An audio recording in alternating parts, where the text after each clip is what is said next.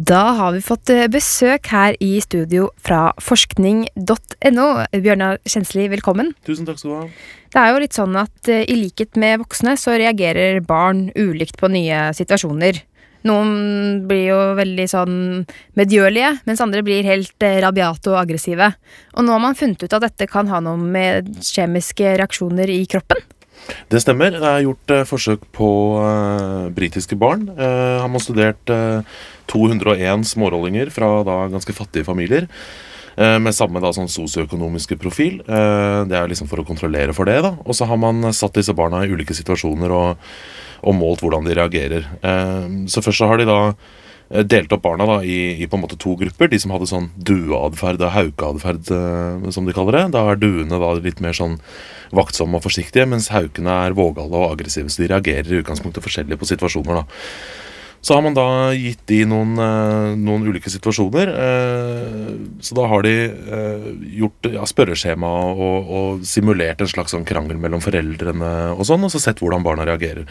Og da viser det seg at det fins liksom i hvert fall to forskjellige typer da, av hvordan barn reagerer. og Det er da knytta til eh, nivået av kortisol i kroppen, og hvor mye kortisol de da eh, skiller ut når de er stressa. Kortisol er et sånt stresshormon som vi har i kroppen. Det er et kjemisk stoff, og det er, er det forskjellig hvor mye man har inni seg av kortisol? Ja, Det er forskjellig hvor mye man eh, skiller ut, og når man skiller det ut. da. Så det er liksom noen ting som, som gjør at vi skiller ut kortisol, og det er først og fremst stress, men også andre ting, som f.eks. Eh, lys er kobla til kortisol, som man tror da at eh, at uh, morgengrettenhet også er kobla til kortisol. Uh, noen produserer da mye mer kortisol om morgenen enn andre, og det er da de som liksom er sånn kvikk og pratsomme og sånn om morgenen, mens de som da ikke skiller ut kortisol om morgenen, de blir uh, morgengretne, som vi kaller det. Men egentlig så er de bare mer stille og, og rolig da, og syns alle Ok. de kortisol da er veldig stressende. Så de som er morgenfriske, de er egentlig stressa?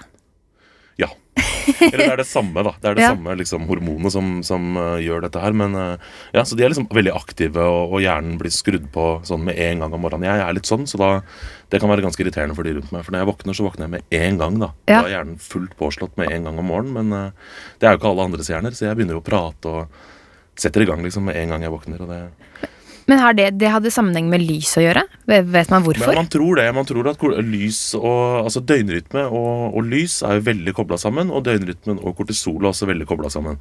Så man har ulike kortisolnivåer da gjennom dagen. Eh, så hvis man da våkner f.eks. med en sånn eh, hva er det de kaller det for noe? Sånn eh, lyslampe som noen bruker om vinteren, sånn som skrur seg på sånn sakte på rommet.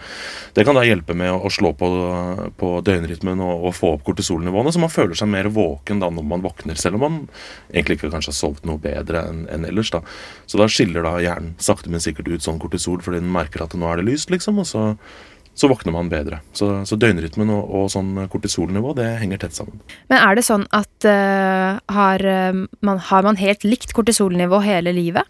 Nei, altså Man har ikke likt kortisolnivå, og ikke bare det, men folk har også veldig ulikt kortisolnivå individuelt. Altså Det er noen som skiller ut fortere og mer enn det andre gjør, og blir lettere stressa av ulike ting. Og så er det også sånn eksempel at, eh, at eh, hvis man blir fraskilt, eh, altså skilt fra mora si når man er liten, eh, hvis man eksempel har vært spedbarn da, og man har eh, amma mora si eh, og, og vært mye sammen med mora si. Eh, nå er den studien her bare gjort Det som jeg refererte nå, er bare gjort på mor. da, det er Mye av det samme gjelder også for far, men den studien her er gjort på mødre. Og Hvis man da blir eh, skilt fra mora si, så skiller man ut mye kortisol. Da kan man bli veldig stressa.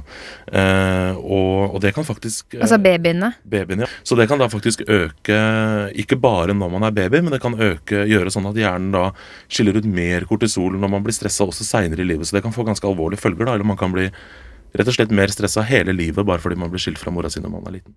Så det er et dårlig tips. Det er et dårlig tips, ja. Og, og det er også sånn at mye av dette her går i arv. Eh, hvor mye kortisol man skiller ut, kan, går i arv. Så man er ofte ganske lik foreldra sine når det kommer til sånne ting. Eh, så det kan faktisk sitte i generasjoner, da, hvis det er ekstreme tilfeller.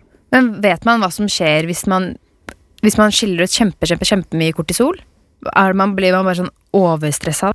Ja, altså man, man blir overstressa, men det er jo også en positiv ting. Altså Man kan jo tenke seg når vi løp ut i skogen og måtte passe oss for eh, rovdyr og, og sånne ting eh, fra gammelt av, så er det jo sunt å være paranoid og stressa. Eh, samtidig så trenger vi også noen som er litt mer level-headed og som kan ta det med ro og planlegge og gjøre sånne ting. Så det er på en måte begge deler har store fordeler, men, men det å være stressa gjør også at man får gjort ting. Det merker man jo i dag også, så det, det er ikke bare negativt. Er det noe man kan gjøre hvis man har litt problemer problemer med for mye At man er for stressa? Nei, det er jeg usikker på, men det må vel være å prøve å roe ned, rett og slett. Og ikke det stresset. Det er ofte fysisk stress, da. Man kjenner at, man- at det kribler i kroppen, så da må man jo røre litt på seg og gjøre litt sånne ting. Eh, Prøve å skille ut noen andre stoffer i hjernen, endorfiner og sånn, ved å gjøre noe gøy. Så, så blir man ikke så stressa. Gjør noe gøy. Mm. Et godt tips. Ja, tror det. Tusen takk for at du ville komme, Bjørnar. Tusen takk for at jeg fikk komme.